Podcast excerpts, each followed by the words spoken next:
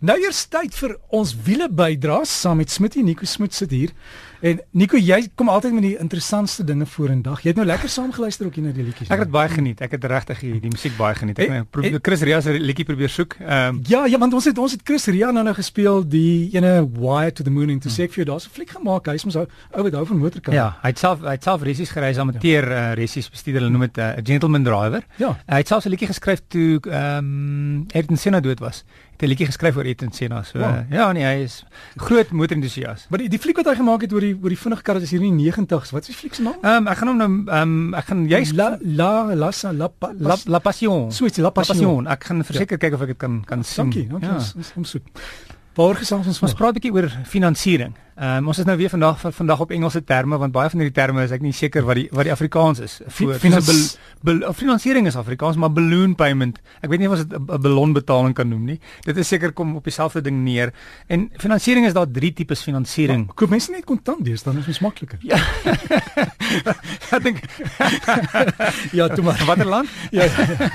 nee, nie hierdie ene nie. So, ehm um, as ons begin met ehm um, ehm um, kontrakte en hoe jy voertuie koop, het dit nogal redelik verander. So kom ons gaan 10 jaar terug of 20 jaar terug, het ons gewone finansiering by die bank gedoen. So jy het na die bank toe gegaan en gesê ek wil of by by die vervaardiger ek wil 'n kar koop en dan het jy sê nou maar 60 maande kontrak gevat wat 'n redelike standaard kontrak is en die bank het gesê dis die dis die rentekoers en dan na 60 maande is die kar joune. So jy na jy betaal hom af basies vir 5 jaar of jy kan besluit gewoonlik kom ons sê hier by by jaar 4 of jaar 5 net vir die tyd klaas, gaan jy na die vervaardiger toe sê luister ek sien julle nou 'n nuwe kar, so ehm um, ek gaan myne inruil en dan baie maal was die die koste wat jy betaal vir die nuwe kar baie dieselfde is as die koste vir die ou kar. So dit was maar hoe meeste van ons karre gekoop het.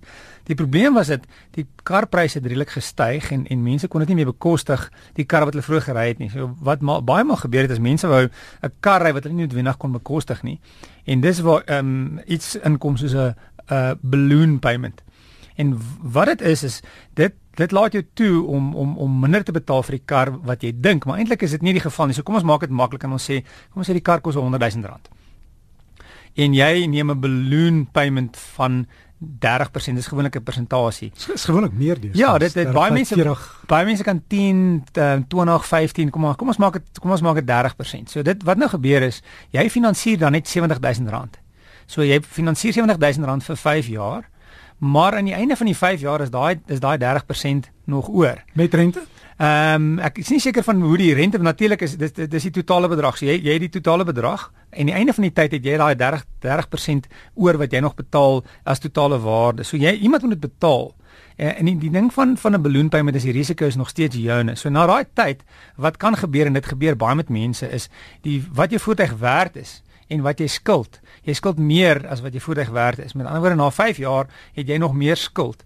Ehm um, en baie mense as jy as jy slim is en jy is goed met met finansies en jy weet hoe dit werk en jy weet hoe om met die stelsel te werk was daar mense wat wat dit vir hulle kon laat werk het maar wat ek regtig baie sien by baie handelaars is dat mense word vasgevang in 'n stelsel van van 'n balloon payment wat wat nou gebeur as jy daai 30% oor nou wil jy 'n nuwe kar hê maar jy kan amper nie bekostig nie. En dan wat hulle in Engels sê, they load the deal. So hulle sê vir jou, "Wag, weet jy wat ons sal doen is, hierdie geld wat oor is, kom ons sit dit in by jou nuwe kar se prys en ons herfinansier nou die nuwe kar se prys plus daai gedeelte wat jy oor het." Met ander woorde, nou sit ons weer 'n 30% by. Um en dit is iets soos 'n sneeubal. Dit word al mm, erger en mm. mense word vasgevang in in in in in skuld en hulle word vasgevang en hulle in en hulle kan nie weer ehm um, dieselfde kwaliteit kar koop nie. Baie moet hulle goedkoper kar koop en dit raak net erger en erger. So ehm um, as jy weet wat jy doen en jy weet hoe om die stelsel te werk, kan dit vir jou werk, maar ek het gesien ongelooflik baie mense sit vas en hierdie hierdie betaling wat hulle sien aanvanklik nie daai eerste bedragie en die ja. bedragie lyk nie so baie nie en as jy wag dis eintlik is eintlik baie min maar jy vergeet dat daai daai daai balloon iemand moet dit betaal en dis jy en die risiko is joune So uh, wat ek sê is wees versigtig vir so iets veral as jy nie weet wat jy doen nie. Ja, ek ek self is deur dieselfde en toe kom ek agter dat wanneer jy die finansiering uitneem, ehm um, ek weet baie mense mag 'n motor eis deel van die belasting. Ja. Maar as nie kan jy dan jy sit met daai laaste persentasie jy het gesê 30 35% en as jou kar dan klaar is op die die 5 of 6 hmm. jaar wat jy self betaal. Gewoonlik verkoop mense die kar en koop 'n nuwe een, maar as jy besluit om die kar te hou, moet jy daai skuld klaar betaal. Dis en hulle registreer vir jou 'n nuwe lening daarop. So jy begin van voor af weer rente en goed. Dis presies wat gebeur. So regtig, al is dit ehm um, partymal vat mense net 15%, maar dit dit kan dit gebeur nogal baie dat mense vasgevang word in hierdie uh, en hulle herfinansier net elke keer daai bedrag. Um, en dit word groter en groter. Dis reg. Ja. Die laaste ene waarvan ons praat is ehm um, hulle hulle noem dit 'n residual value. Baie mense raak nie mekaar met dit in 'n balloon payment. Ehm um, die nuutste naam daarvoor nou is 'n guaranteed future value. So wat dit beteken is, dit beteken dat die bank neem die risiko. En dis nogal 'n baie populêre manier wêreldwyd om om voertuie te finansier. So wat nou gebeur is, ehm um, weer eens sê jy gaan na 'n vervaardiger toe en jy wil die, die kar koop en hulle sê weet jy wat jy ry kom ons sê 30000 km per jaar. So wat ons nou gaan doen is jy gaan die kar vir vir vir 3 eh, die tydperk is 3 jaar. Vir 3 jaar gaan jy hierdie guaranteed future value ehm um, kontrak met ons neem. So jy betaal 'n bedrag elke maand. Jy koop nie die kar nie. Jy um, dit kom daarop neer. Hmm. So elke maand betaal jy uh um, na 3 jaar het jy 3 keuses. Na 3 jaar gee die kar vir ons terug. Die risiko is ons en so ons vat hom terug. Of jy kan sê luister hierso ek wil 'n nuwe een hê dan dan begin ons weer met 'n nuwe kar of andersins kan jy sê ek hou van hierdie kar en ek wil graag die kar nou koop maar dan moet daar's nog steeds 'n uitstaande bedrag. So wat gebeur is vir vervaardigers om mense dit moontlik te maak om die karre te verkoop omdat hulle dit nie meer kan bekostig om die kar te koop nie op die eerste kontrak wat wat 60 maande is en die karre raak te duur. Ehm um, is dit iets wat wat vervaardigers die risiko neem. So met ander woorde, jy besit nooit die kar nie. Jy ry die kar vir 3 jaar, na 3 jaar het jy die keuse om dit terug te gee of 'n nuwe een te kry of om het, om dit te herfinansier.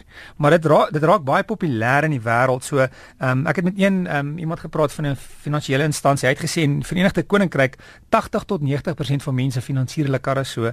In Duitsland 70 tot 80%. Ja.